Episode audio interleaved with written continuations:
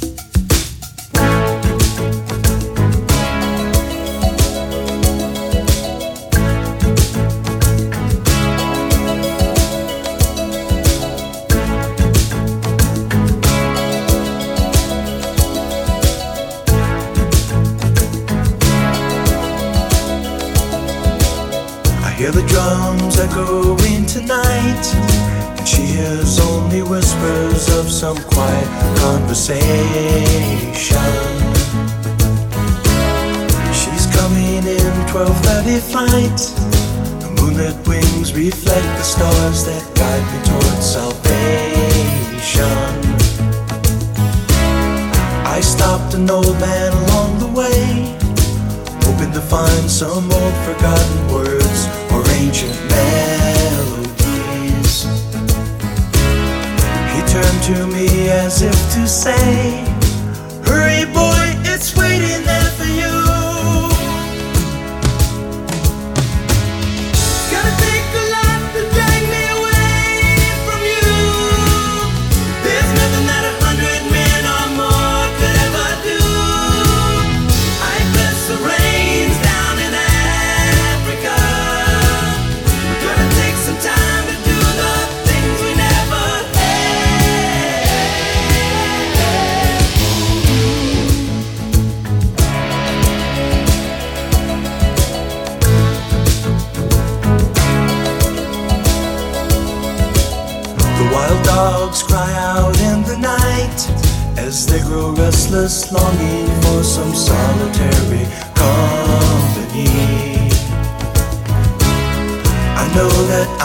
Do what's right, sure as Kilimanjaro rises like Olympus above the Serengeti.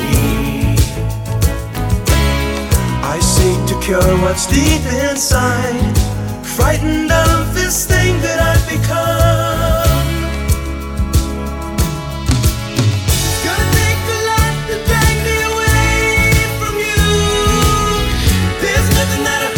Een hele goede middag aan alle luisteraars. Hier vandaag bij dorpsradio Laren.nl. Waar we weer klaar zitten voor een uurtje van ons infotainmentprogramma Safari Geheimen.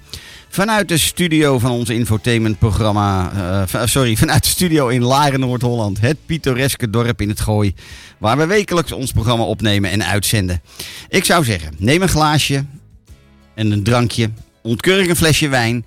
En laat vooral het koken nog even wachten voor een uurtje reizeninspiratie naar de uithoeken van het Afrikaanse continent. Safari Secrets, de travel design studio op het gebied van exclusieve natuur- en wildlife reizen met een vleugje giving back. Een reis waarbij je direct bijdraagt aan het behoud van ongerepte natuurgebieden en haar bewoners, zowel in als buiten de parken. Mijn naam is Frank Ransijn, oprichter van Safari Secrets en daarnaast podcast-host van de eerste en enige safari-podcast van de Lage Landen. Mijn Afrika, mijn wildlife. Alle opgenomen afleveringen van deze radio- en podcastshow zijn terug te vinden op de podcast-apps van Spotify, Apple en Google Podcast. En natuurlijk op de website van Safari Secrets. In onze radio- en podcastshow ontmoet jij de experts uit de verschillende safarilanden die straks jouw reis uitvoeren op de bestemming. Je krijgt zo uit eerste hand de laatste en actuele tips en adviezen vanuit geheel Safari Afrika. Ben jij nu ook toe aan het maken van plannen voor een eh, nieuwe reis met je geliefde, met je gezin of met de gehele familie om iets heel bijzonders te vieren, dan helpt Safari Secrets je natuurlijk graag verder. We hebben meer dan 30 jaar reiservaring in de pure bush van Afrika en ik ontwerp al 26 jaar 100% op maat gemaakte safari-reizen die ook vol zitten met safari-geheimen en onvergetelijke nieuwe herinneringen. Vandaag verwelkomen wij vanuit Durban, Zuid-Afrika, een gast in ons programma Safari Geheimen. Met een lifelong ervaring in het safari-toerisme. Deze man struint al meer dan 25 jaar door de bush. tussen de leeuwen en de olifanten van Zimbabwe en Botswana. En hij heeft een schat aan verhalen, tips, tricks. waar de beste safari-ervaring te halen valt. Na een lange carrière bij verschillende beroemde safari-organisaties startte hij in 2012 samen met nog een paar kompanen Machaba Safaris. Een portfolio aan kleinschalige safarikampen in Zimbabwe en Botswana. Met als doel reizigers in contact te brengen met de ongepolijste wetten van de Afrikaanse bush. En hen het echte Afrika te laten eh, ervaren. Zijn naam, Alistair Rankin. Well, Let's introduce this man properly in English before we start our conversation here in the radio show of Safari Secrets. Alistair Rankin, co-owner of Machaba Safaris. He is a well-known man in the industry, a man with many years of experience in the safari business as a guide, as a camp manager, managing director with renowned companies in Southern Africa. But when doing my research for today episode for today's episode i noticed he is also a well hidden man on the internet with little to find out about his whereabouts i know he is in the industry for ages but i have to ask him a little bit more of his background in the bush um, what I do know about Alistair is he is a man with a clear vision about how to conserve Africa's nature and wildlife, and how to let the local the locals benefit from safari tourism. Machaba Safaris offers classic style safaris to guests who believes in the same philosophy as he does. He will call it Come and See the Real Unedited Africa. And I will talk about that also with him. So let's talk to the man himself now. A very warm welcome, Alistair. And how are you today? Uh, hi, Frank. Uh, hi, everyone. Um, thank you very much. Uh, what a nice welcome. It's uh, great to be chatting to you. Ah, good to hear you. Um, and a warm welcome uh, from Holland. You are in Durban, South Africa at the moment. Uh, I think you were very busy last week with Indaba. I wasn't really aware when that was ended, but it was already ended. Um, Alistair, what is your what is your normal base? Where are you living at the moment? Uh, Frank, so I'm based in Durban. Um, we use it as a base, but uh, pretty much uh, half the month spent traveling uh, between Botswana, and Zimbabwe, Ah, and, uh, okay, yeah. based, uh, with uh, we have our reservations, and uh, we call it head office, but uh, the bush is really our head office. Yeah, yeah, exactly. Now, and and apologize that I didn't know that your head office was in Durban because I didn't realize at all. Um, Alistair, great to have you here today as a guest in the new episode of Safari Secrets, or in Dutch, Safari Geheimen. Just the Dutch translation. Thank you for taking the time of talking about Machaba safaris because that's what we are going to do. Uh, and of course, um, let, let's uh, see if we can build up some strong stories about people in the bush. You know, you, you, you guys, as people who lived in the bush, you can make every crocodile two meters longer than they actually are. Um, it will be a very informal talk, but we will also, of course, talk about what Machaba is all about. That's what we are going to talk about. Um, let's start uh, right away and talk about the wonders of Africa, the unique ins and outs of your portfolio of safari camps. Um, I hope we can inspire our listeners to plan their future safari and take some of these special places we are talking about today in consideration when making their new plans. Would you be so kind, Alistair, to just give us a little brief introduction about who you are, how you uh, lived your life so far, how did you ended up in the safari industry? Can you tell us a little bit about it? Sure, Frank, and and very excited to be chatting to you and uh, and your listeners. Um, I'll keep this short. I grew up in a wonderful family who loved the bush. Spent every moment when I wasn't uh, in school in the bush, and I guess I was just destined to to lead a life uh, uh, in the bush and uh, and dealing in conservation. So uh, yeah, big thanks to my parents for that, and uh, yeah, just giving me that insight from a very early age. And I guess yeah, to cut it short, that's basically how I got into it. It was a love uh, love at first sight. Okay, and and where, where are you where are you born, uh, Alistair? Because I don't know that uh, too. Uh, born in Pietermaritzburg. In Ah, you are uh, born in South Africa. Okay, okay. That's correct. Yeah, okay. Because what I just tell uh, told you in or told the listeners in the introduction, when I'm trying to prepare as well as possible, as much as possible, there is not a lot. There is not a lot on the internet about you. You are well hidden. is that on purpose? Is that on purpose, or you are not aware of that? Well, uh, no, not not aware of it uh, really. I think uh, yeah, a bit like my token animal, the leopard. I'd rather be a little bit unobtrusive and Yeah, you're an elusive leopard. Yeah, exactly. Because I always try to find out some nice uh, facts or yeah, uh, just background stories, and there was not an awful lot to uh, to find. Okay, so born in South Africa, um, your parents who took you into the bush a lot of times right away and, and fell in love with the bush. It, that's that's correct. Eh? That's what you just said. Yeah, that's correct. And then after school, went to university for a short stint to uh, to um, get my tertiary education up uh, in uh, zoology and uh, biology. Yeah. Then uh, I didn't complete that, as uh, I then went straight into the bush uh, Yeah. and began my career as a game ranger Mhm. at uh, Londolozi Game Reserve. in, Oh, really? Did you start at Londolozi? Yeah, I was one of those. I had the fortune and privilege to start there.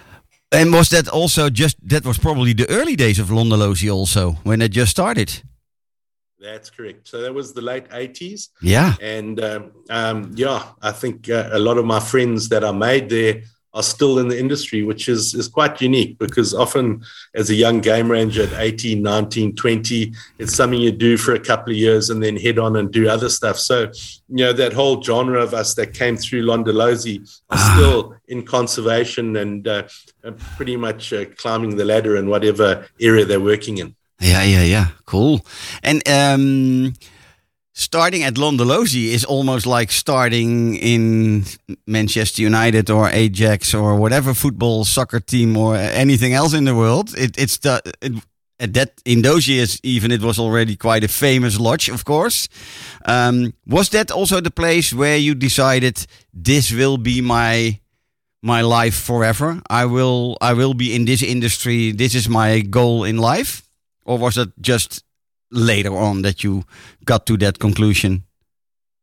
No, I think I've always wanted to be involved in conservation and, and wildlife and the bush Mhm. from a young age. But I think what Londolozi did was probably cement that in me. And, um, you know, with their conservation ethics, their community in those days, their community involvement and all of that really gave me a good grounding and a solid base from which to start my career from. hmm Okay. Um, and am I right? I think I am. Eh? You you did work for Wilderness Safaris too, did you? That's correct. So um, from there, I went on to join Wilderness Safaris and had 16 wonderful, wonderful years with Oh, them. 16 years. Okay. Yeah, from from from washing dishes to you know running camps to managing concessions. My last job with them was uh, um, uh, marketing, Yeah, and uh, yeah. yeah. that was uh, so I've, my two main was Londolozi and Wilderness Okay. Safaris were my two uh, where I cut my teeth. Yeah, yeah, yeah. And and then uh, exactly that's where my next question is coming in. What makes you decide to start to to start Machaba Safaris? Well, it's a wonderful story. When I was working at Wilderness Safaris um, in the Okavango Delta, one Mhm. of the uh, sons of one of the chiefs um, was working with me, and we used to sit around the fire and talk about having our own camp one day. And uh, that was way back in the early 90s. Mhm. And we stayed friends through the years. And in 2012, or actually about 2010, he contacted me and said, Look, my dad's got a concession. Would you be interested? And that's when Machaba was born. But I think from early days, I'd always wanted to do something on my own, uh, be that the entrepreneurial spirit in me, I'm not sure. I'd always known that I would have something, but uh, I put in the hard yards, did the time, and finally in 2012, yeah, Machaba was born. Yeah, yeah, yeah. Um, which is 10 years now. Um, did you by then uh, could imagine that you're ending up 10 years later 10 years later with 10 safari camps? No, no. when we started, uh, um, when we started, uh, myself and the late Chris Hutzi, my partner in Botswana, and uh, uh, Murray Collins, my other partner here in Durban. Yeah. When we started, it was going to be one camp, uh, do it right, uh, do it the way we want to do it, feet in the sand, go back 20 years, and sort of create what, when I was guiding, um, was um, what I thought the ultimate. Yeah, yeah, yeah. loved. I can ima- I can I can still remember the the first images of Machaba, which was all in black and white. Correct? That's correct. Yeah, yeah, yeah. I was in the industry also yet, and uh, yeah, I know that when you started out with only Machaba main camp or Machaba camp, I think it was called at that time. Um, the, the fact that you because that was that was not how do you say not very regular to do something in black and white, and you guys did it, and I loved it. I loved it. Yeah, we we did a lot of stuff that was new. Um, I took a lot of stuff that I'd learned from from the likes of Wilderness Safaris. I give them credit for it. I say, guys, you know, your above ground septic systems, your your um, you know solar systems, all of that that they've put in their camps is incredible. So we took what worked and and we started Machaba, you know, from the ground up, which was uh, yeah something that we wanted to do and something we kept as a recipe going forward hmm was to try and create camps from from the go, not Yeah. just going to buy a camp, but start it from the started. ground. Yeah, yeah, yeah. Uh, uh, can you explain to us what Machaba actually means?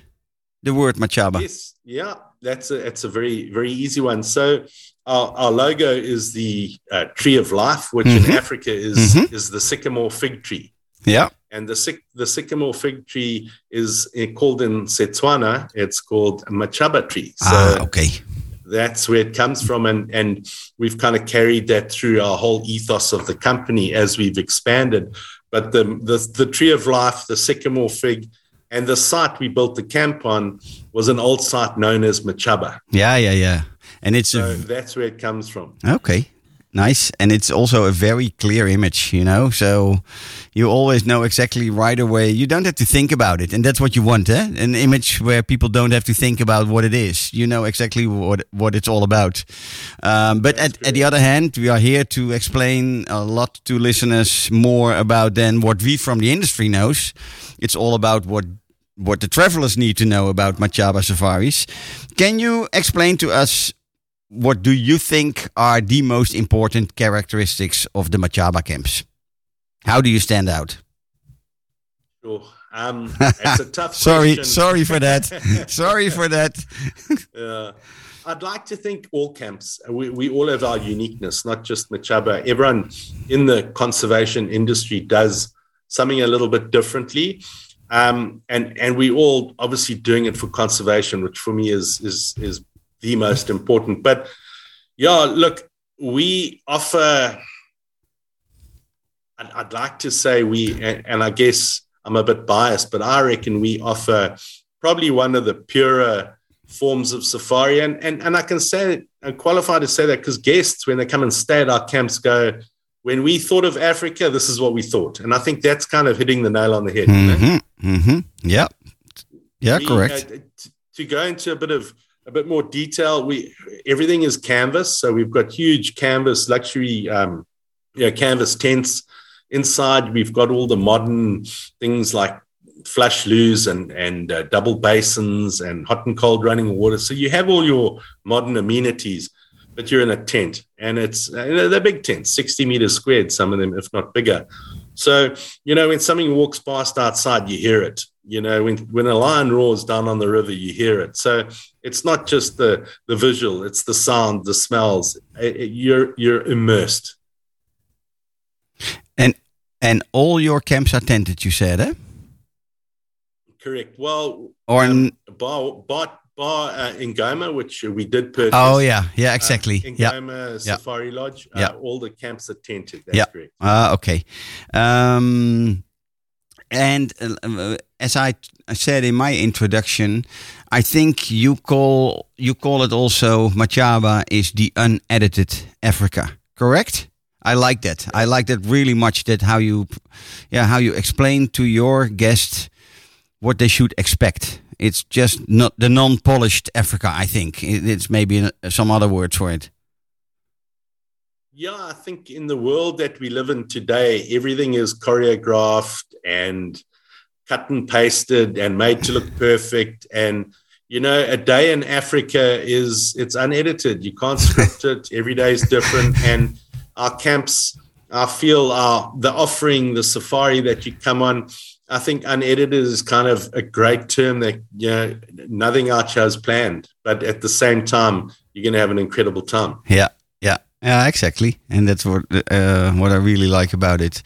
Um, can you can you explain also to us what you what you aim for with Machaba safaris, um, and especially now after the, the the COVID years, which were terrible for everybody, especially for you guys in the industry, uh, but for all of us, I think. But um, you probably maybe set some new goals with Machaba. Now we are hopefully have that behind us. Can you tell us something about it?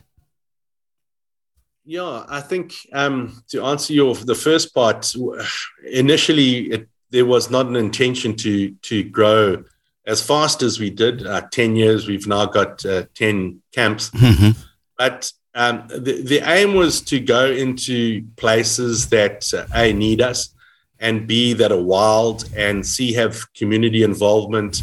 So the aim was to go in and um, as lightly as possible um, bring in guests and tourists into these camps to uh, help generate income, to help these places survive, help the communities grow, etc., educate. Um, so that's the first part. What I think the whole COVID, um, the last two years, has shown us is that, you know, it's it's not just up to the guest and us to to save these places. You know, if we had to rely on the guest dollar or the guest euro or the guest uh, whatever currency they're paying to keep these places alive, then uh, in Africa and I'm sure most vulnerable places and and unique places across the world, it's it's not just up to that because if we rely on that, we are going to see big problems down the line. We need people we need corporations, we need governments around the world to stand up and protect these areas. Um, aside from us, sure, we're there, we're doing it, we're educating, but I think what the pandemic has shown is that um, how vulnerable we are. Yeah. And, you know, everyone had to curl up like a pangolin and try and fight off the last two years. But at the same time, you know, keep the places going, make sure there's no poaching, um, the fires don't burn your camp down, your staff have something to eat. So I think, you know, I would say it, it's up to external um, organizations to get involved from a, a protection point of view of, of, of the wild areas. Yeah, uh, I was reading uh, some articles where some of uh, how do you say uh, you you probably some people interviewed you about or did ask you some questions and you were you were explaining exactly what I'm telling my clients always that we are talking about flying is not is not very well for our planet. But we I'm always saying but not traveling to these type of nature and wildlife places is um, much worse than not flying to those places. Because not being there not and i think that's what you said also in those answers um, the fact that you are there the fact that the guests are traveling in, in game drive vehicles and that you're doing walking safaris it's all very very negatively for the poachers. So it's the social control we are as travelers are. So I think that's exactly what you also mean. Eh? By we need the the Yeah. guests, we need the guests in camp to keep those areas alive. Yeah, that's correct, Frank. Yeah. I've got a very simple thing that I play through my mind when I'm making a decision on do I go into this beautiful area and build a camp? And I've got to say to myself, what would the animals want? What would what and if you had to go right down to that level and say, do they would they go, yeah, sure, build a little camp there, try not interfere with us too much.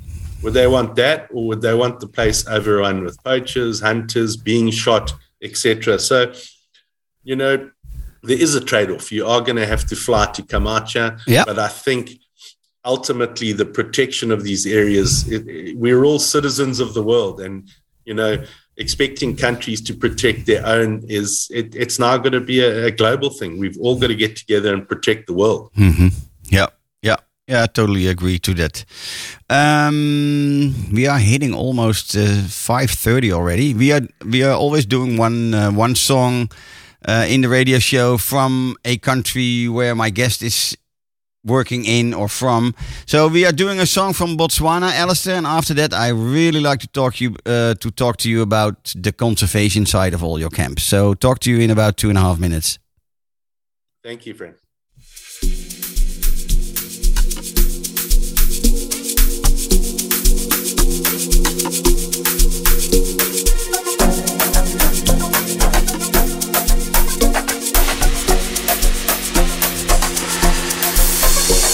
khasmana ya choroza mleteki ngizolobola ufuna ihaftlaji ngiyakuruza.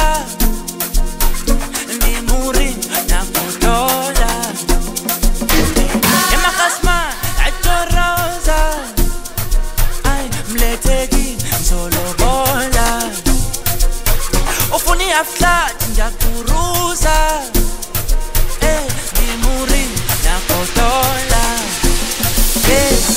Χασμάν, Ατέρα, Νετεγίν, Σολοβό, Δημουρίν, Νιακοτό, Κουκαναμάτο.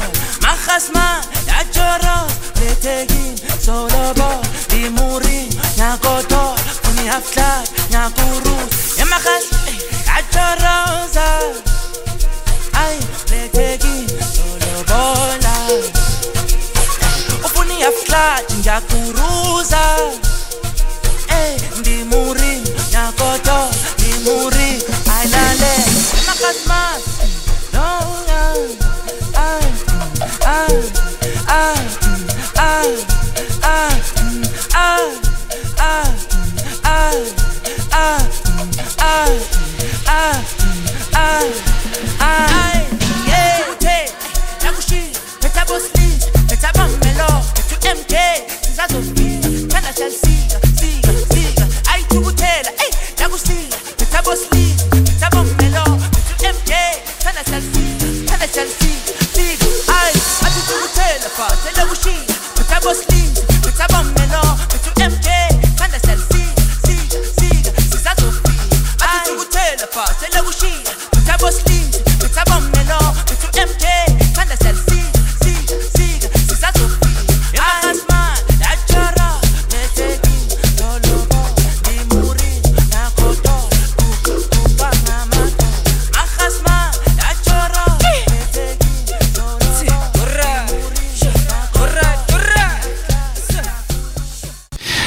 Okay, Alistair. Uh, I think it was a nice song. Um, I lost the, the, the title of the song because it's gone in my screen already. But um, do you know the, do you know this song? This is a Botswana song. Um, I, I'm um, yeah, I'm embarrassed to say I haven't heard it before, but uh, def- definitely to Shazam it.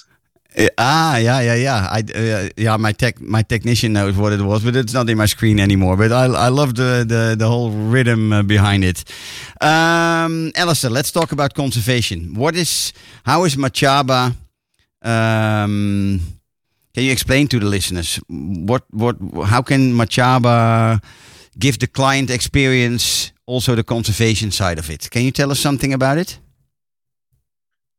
Sure. So, so we, we break up the the conservation um, uh, at Machaba. We break it up into two parts. That's um, you know, community uh, conservation and then um, sort of wildlife conservation. So, um, w- we follow both, but our focus is on education. So. We uh, sponsor and have built. Um, we've built one preschool and we sponsor two uh, primary schools. Um, at some of the camps. So obviously they're camp specific, but uh, the opportunity is for guests coming to those camps to go and uh, interact with uh, with uh, local um, schools and to see what we've done. There's an opportunity to bring stuff with, pack for a purpose, you know, uh, bring out stuff for the schools, which is uh, um, desperately needed. Yeah, yeah. Um, so, so that's the education side, and then on the wildlife side, uh, wildlife conservation, we have uh, various different programs um, from uh, rhino relocation programs to uh, reintroduction programs to um, uh, wild dog research, etc. That we interact with and try and assist. So.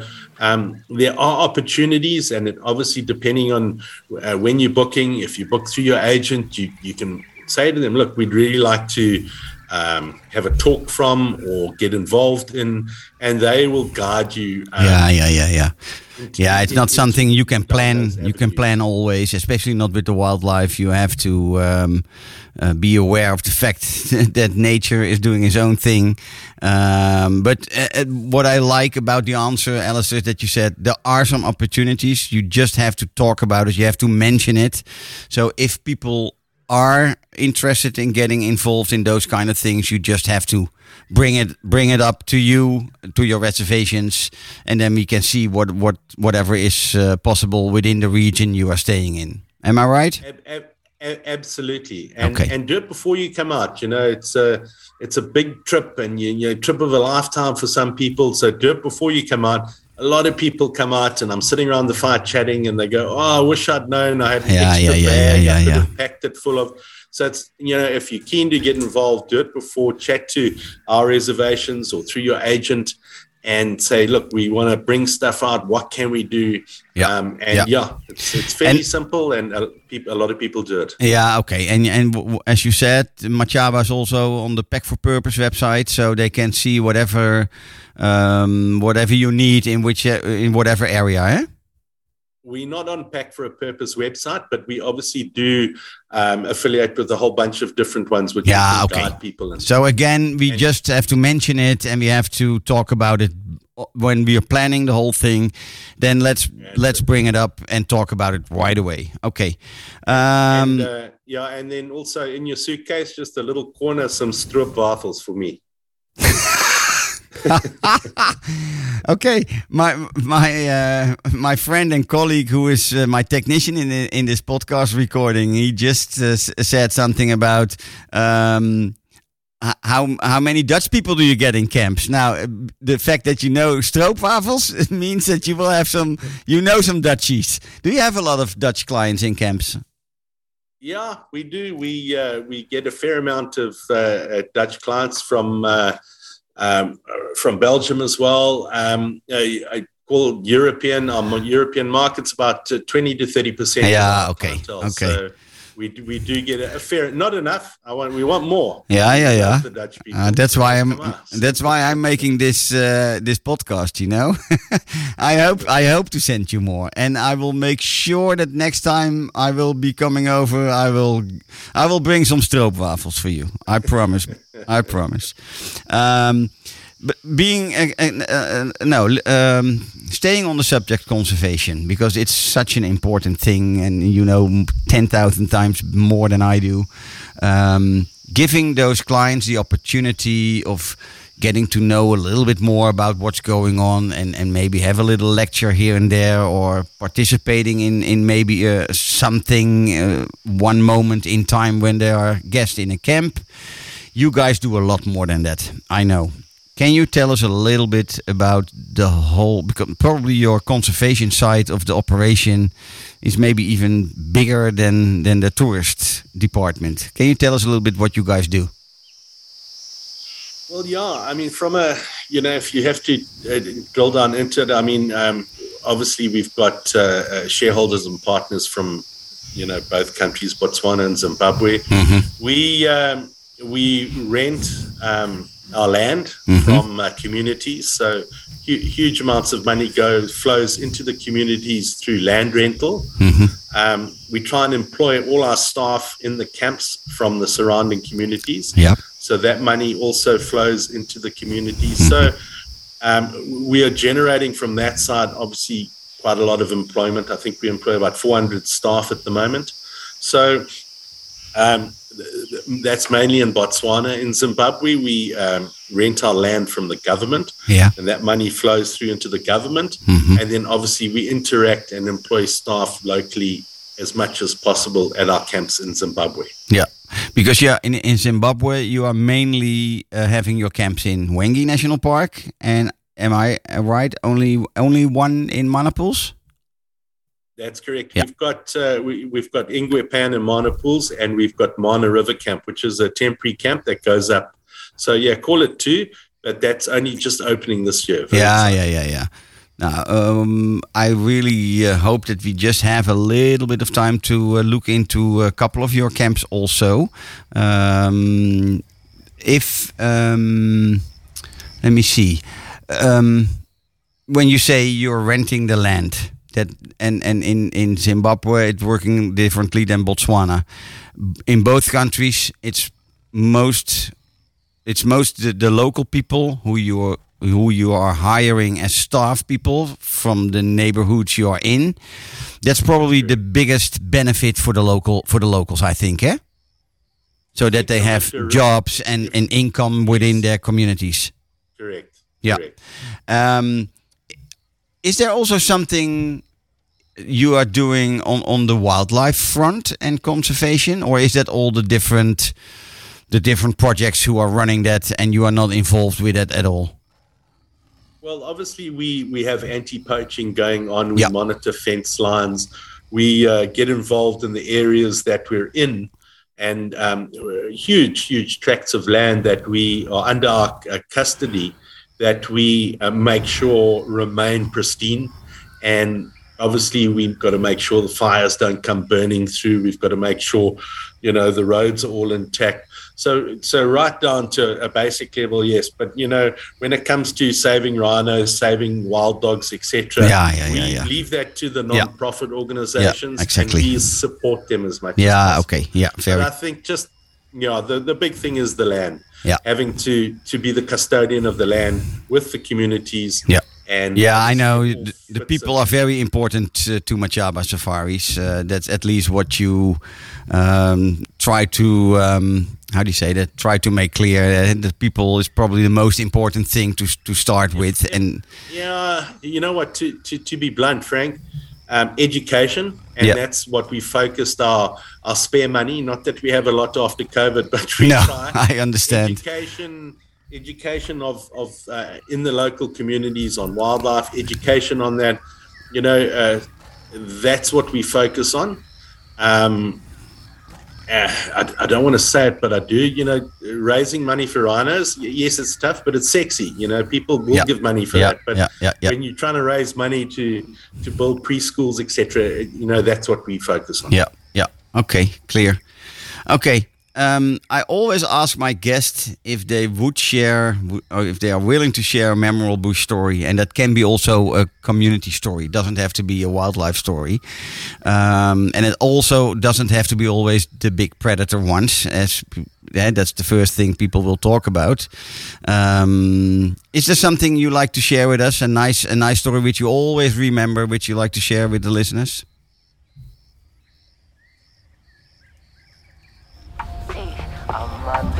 Bum bum. Come a bitty mini dum bum, mini mini bum bum, but mini mini bum bum, but Keys. Keys. What's happening, dog? Keys, man, do you see what I see? What are you talking about? Man, those girls are fine. Man. You see those girls out there? Nigga, I told you to stop talking about girls when we're working, bro. Come on. Listen, Bro, look at the girls, man. I feel you, dog. I feel you. All I'm saying, let's work. Oh, so what we do? What we do? What we do? What you trying to do? No, bro, let us do something. Let's you know, get- let us just do something. You know what they trying to do?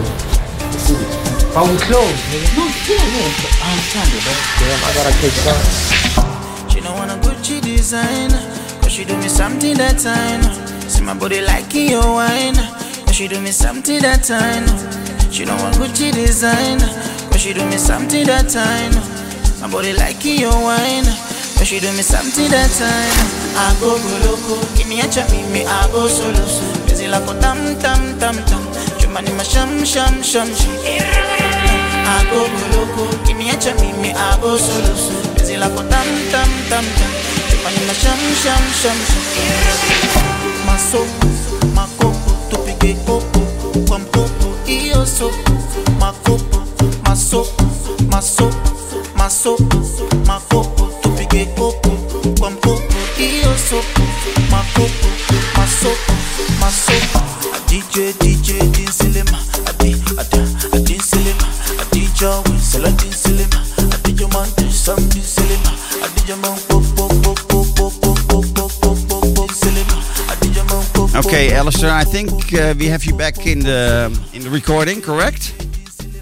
That's correct, Frank. Yeah, this it, it- it's quite weird uh, because we know that Zoom normally allows you to talk 40 minutes, and we are doing this for one year now, and we have never ever had a signal after 40 minutes that we are kicked out, and this time we are kicked out. So, Uh, you know, it's it's this technology. yeah, so very sorry about that, uh, but uh, I'm glad uh, we are in contact again. Um, where what was the last we discussed about the the the conservation side of it we were talking about oh yeah education and the people uh, that, that that's the most important part of it uh, for the future correct. yeah yeah And yeah, you you said you were you always asked your guests something and then it timed out. yeah yeah Uh, so I'm quite intrigued. oh yeah the bush story the bush story yeah yeah yeah can you share something with us A, a bush story. Okay, I'll tell you what. You you give me a clue as to what kind of bush story you want. You want a uh, Again, it, it it doesn't have to be really something like it doesn't have to be always a lion kill, you know, but there's maybe something what happened all over those years in the bush which you will always remember because of it's always coming back into your mind. It can be just a talk with a great guy from a local community, you know. It, it's I like to leave it up to you if you have something you always will tell people about it because it's just your main or your Got you. Got it. Okay. Yeah, I got that, Frank. Okay. Um, so, uh, when I was a young ranger, Mhm. um, uh, working in the Okavango Delta, we used to go by boat down the uh, down the channels, and um, I used to have a tall spear that I used to walk with because we weren't allowed rifles in those days, and I had this idea that I wanted to put all my guests uh, up in a tree and have buffalo walk underneath us without them knowing we were there. So what I did was um, I was going down by boat, and i- i- it's all safe, you know. I was I was I wasn't that young, yeah, yeah, yeah. and uh, I was going down by boat. I saw I saw a bunch of egrets and a, a whole lot of dust, and I and I had quite an adventurous uh, a group, about uh, four or six people. And I said, guys, we're going to go down and look at those buffalo. Anyway, we were there. The wind was right. They were busy grazing, just like a big herd of cattle. There Yeah, must yeah. about five, about five hundred. hmm So I said, guys, this is the perfect. I've been waiting for this. So I helped them up into the sausage tree, which is big and thick and leafy. And I put them all up in the tree and I said, okay, just sit quietly. And anyway, we waited. And it was late in the afternoon, about five o'clock. I was like, these buffalo are not just going to come here. They're still a bit far. So I thought, let me go around the herd. So I scampered off. I told the guests to sit in the tree and I walked around the other side of this herd. And, you know, 500 buffalo is quite a big herd. And Yeah. so I got on the other side and I thought, look, if I just show myself, they'll see me and kind of snort and move off past Mhm. the tree, and my guests will see them wandering underneath them. So, so I sort of stood up and walked towards them and kind of thought they'd get my scent. Anyway, they took one look at me, and obviously the sun was getting a bit low. And at that stage, I didn't realize that buffalo don't run away when it's getting late afternoon and getting dark.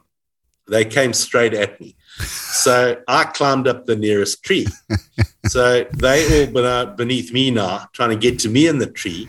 And on the other side of the floodplain, stuck in the tree are my guests, and the sun's setting, and I've still got to get down.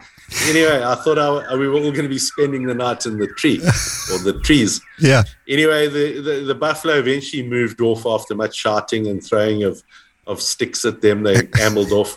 And I, I jumped down and ran to the tree, got all the guests out the tree and took them back to the boat. Anyway, I'm sure they tell that story to their grandchildren. Yeah, yeah, yeah, yeah, yeah. Around the fire at night. Now, I can tell you this is a great one. It's a new one to me. I haven't heard this one before. I've heard some crazy stories, I can tell you. Yeah, but at the other hand, uh, Alison, let's be honest. These type of stories are making your once in a lifetime safari. It's those type of experiences, and it doesn't always have to be. Again, that that that big lion kill or whatever. It's sometimes also the big laughs you can have about whatever happened, which will always uh, be remembered. Uh, so thanks for that. Absolutely. Okay, the, we have some ten minutes left. I like you to give the to, to give you the choice of which camps of Machaba safaris you really like to highlight a little bit more, eh, because we know we have ten camps at the moment, two, four, six in Botswana, and five in five in Zimbabwe. Which one do you like to highlight, and tell us why? How many can I highlight? Uh, you can you can uh, we have about 10 minutes so we can we can just mention a couple of them with what you think is important to know about these places Okay, let's talk Mana Pools because this is a very special area, Mana Pools National Park Yeah. in Zimbabwe. yeah Um, I, I was there two weeks ago. I flew back to Indaba to come and do the travel show, Mhm. and I spent I spent two nights down at our new camp, which is being built. I think it is probably one of the most underestimated areas in in Africa. You know, Mana Pools, Mana means four, and they've got these big pools right next to the Zambezi River and it has it, it's surrounded by the escarpment, the mountains on the Zambian side and on the Zimbabwe side. So you're in the Zambezi Valley. Um, the the wildlife is great. I mean the it's not about that though. It's not that you see any better wildlife there than you do anywhere else. It's No. just a feeling you get when Yeah. you're there yeah that it's it's very special. It's very wild. The camps. So we've got Ingwe Pan Camp, which is which opened during COVID. So that's a, um, so, a camp that's not very well known, but obviously getting more and more popular. And then Mana River Camp, which we're opening now in the next couple of weeks. I hope Yep. if the Yep. guys are doing what they're meant to be doing and and putting the tents up. But what's unique about these two camps? Very intimate, small. Um, it's only eight tents at uh, Ingwe and only six tents at Mana River. Mhm. But for me, it's the area. It is an incredible area. I don't know if you, Frank, if you've been to Mana Pools, but certainly for yes me, of course yes of course it's it's um, it's one yeah, of the most beautiful places yeah yeah yeah yeah i totally yeah, agree Something, there's something about it, and, and Yeah. I don't know what it is. And and I've been to a lot of places. So Mhm. so that's Mana Pools.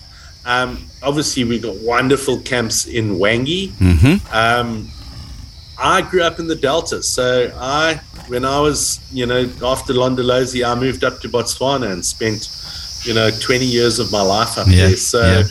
for for me, I would have to say it would be a Delta camp because yeah, I'm a bit of a swamp rat. I love the water. I love boating. I love mokoroing, walking. Um, I'd, I'd have to pick um, probably our new camp, which we're building, Kiri. Kiri camp. I was just now in- yeah, I was just going to ask Yeah. about you. I don't know. I, I of course I haven't seen that camp yet myself, but uh, is Kiri camp different than your other Botswana camps? Yeah, they're all in different areas, so they're all quite far apart. Um, so when people travel to the Delta, people ask, you know, how should we go? There's 40 camps or 30 camps in the Delta. Yeah. What makes them all different? So yeah, Yeah. everyone is unique, but Yeah. yeah, I think you want to go for the water experience to see uh, the unique uh, flooding of the Delta, but you also you want to you want to um, you want to see animals. Yeah Mhm. Yeah. and so it's it's imperative that you're in an area which offers both. And so all three of our camps do.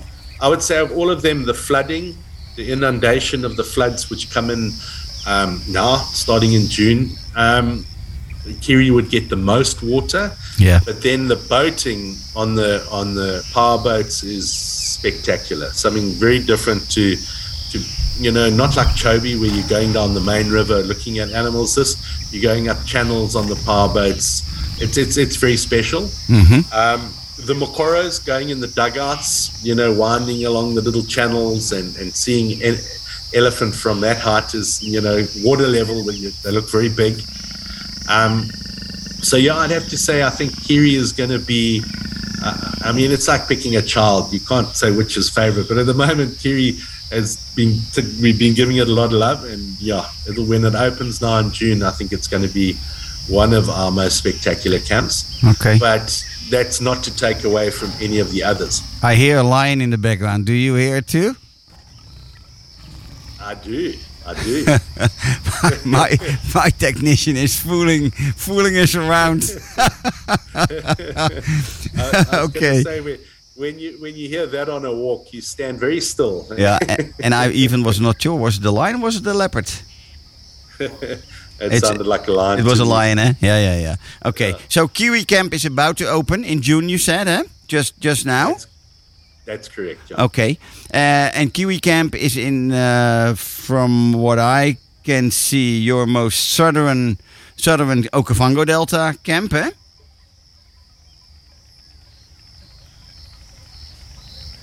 Are you still there?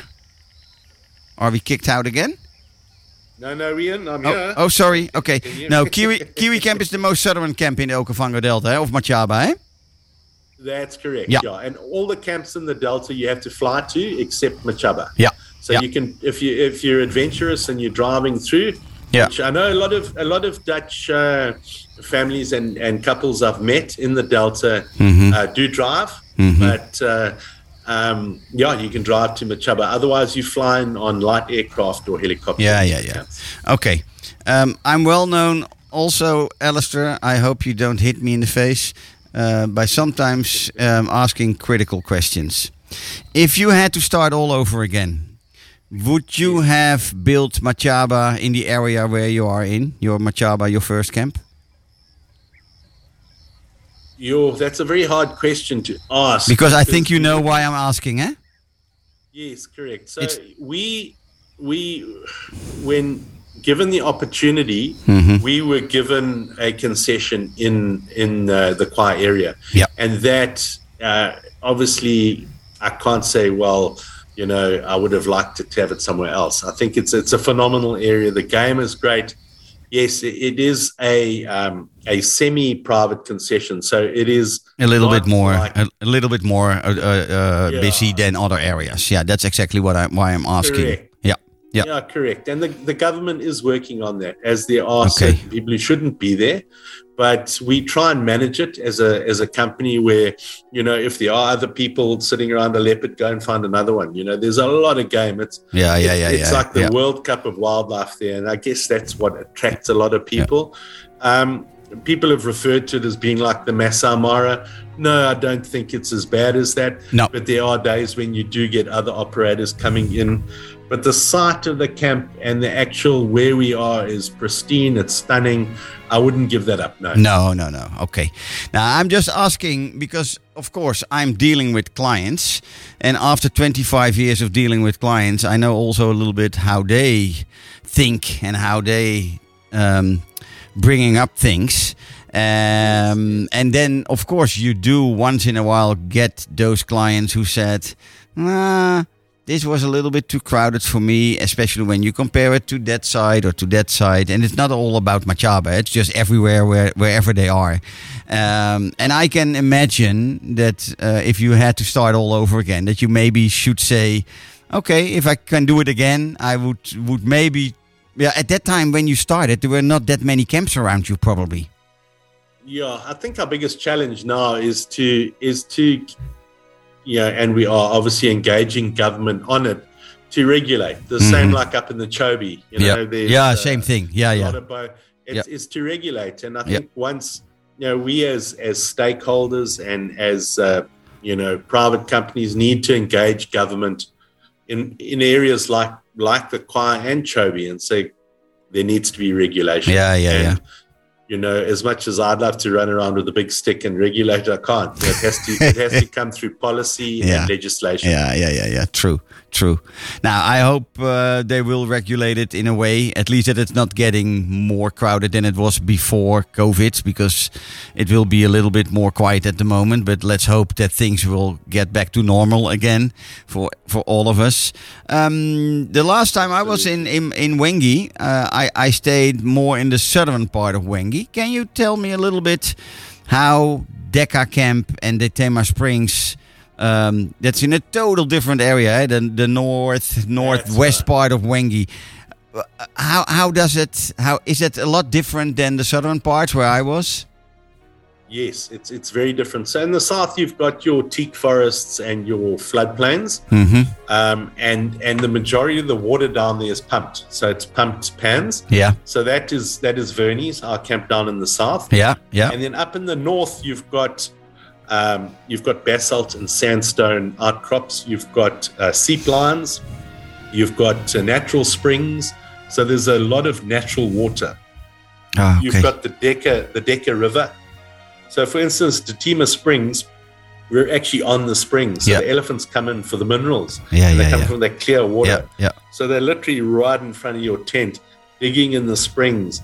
We've got uh, a place behind Deteema called uh, Manzi Shisa, which is means hot water, and it bubbles. And you put your hand in it's hot water Mm-hmm. Ah, yeah, yeah. coming yeah. out of the ground Yeah, yeah, yeah. you fantastic walking, great driving. But you know, I find for Deteema, I say to people, stay at camp because that's where you're actually going to Yeah, see. yeah, yeah. And no other the camp and no action. other camps around you, I think, eh, in that area. It, it's also very wild. Yeah, yeah, yeah, it's, yeah. It, it's super wild, but uh, yeah, fantastic game. A combination. You've got to do both. Just like you do two areas in the delta, you've got to do Yeah. two areas in Yeah, exactly. to get the total Yeah. feel of it. But Yeah. Deteema for me is is my personal favorite up in the north. Okay. Now, next time I will be there. I hope and that I got the chance to come and see. Um, Alistair, we are running out of time. I really like to thank you so much for being on the show and apologize for the breakup in between. Uh, I hope we did give the listeners a little bit more of information about uh, what Machaba is all about. I um, I hope to talk to you soon. I wish you a wonderful evening. And uh, to the listeners in Dutch, um, een hele fijne avond gewenst en tot volgende week. Thanks, Alistair. Bye bye. Thank, thank you, Frank. Thank you. You're welcome. Bye bye.